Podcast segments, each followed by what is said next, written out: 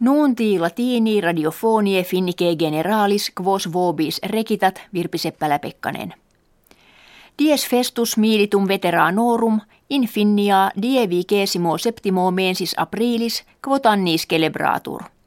Illo enim die anno millesimo nongen tesimo quadragesimo quinto cum copie germanorum ex Lapponia recessissent pax post longincum bellum restituta est. In festo veteranorum hornotino orationem habuit presidens Sauli Niinistö.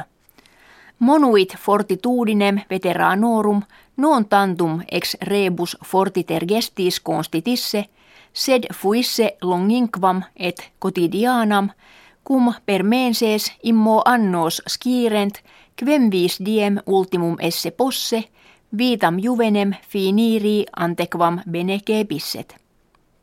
Milites veterani ad hoc superstites sunt infinia duode quadraginta milia, etas eurum media est nonaginta annorum. Exeunte mense januario Beatrix Regina Hollandie nuntiavit se regno abdicaturam esse. Pridie calendas maias filio Villelmo Alexandro principi oranie solium regale kessit. Ex demoscopio regens facto unde nona gintaaken teesime Nederlandiensium dicunt novum regem sibi gratum esse. Post plus gentum viginti annos Hollandia primum a rege regnatur.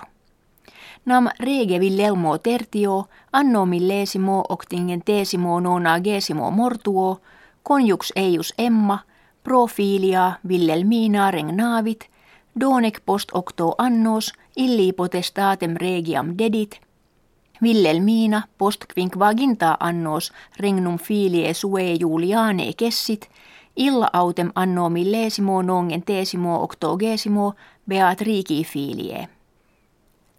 Post longas et difficiles consultationes inter partes politicas Italiae de novo regimine constituendo tandem convenit. In regimine cui preest Enrico Letta intersunt unus et viginti ministri ex factionibus sinistro centralibus. Silvio Berlusconi non includitur, sed ex factione eius regimini insunt quinque ministri. Novi ministri jus jurandum coram presidente Napolitano die dominico jura verunt. Eo ipso tempore apud palatium Kigi sedem regiminis, kve haud procul a palatio presidentis abest, vir quidam pistolio duos vigiles vulneravit, antequam deprehensus est.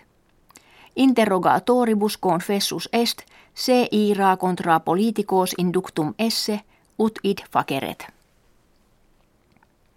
Jutta Urpilainen, ministra erari finnie, colloquium internationale Helsinkium convocavit, in quo de fraude fiscali impedienda actum est. Commissio unionis europee ja mense decembri bellum contra fraudes fiscales suscepit.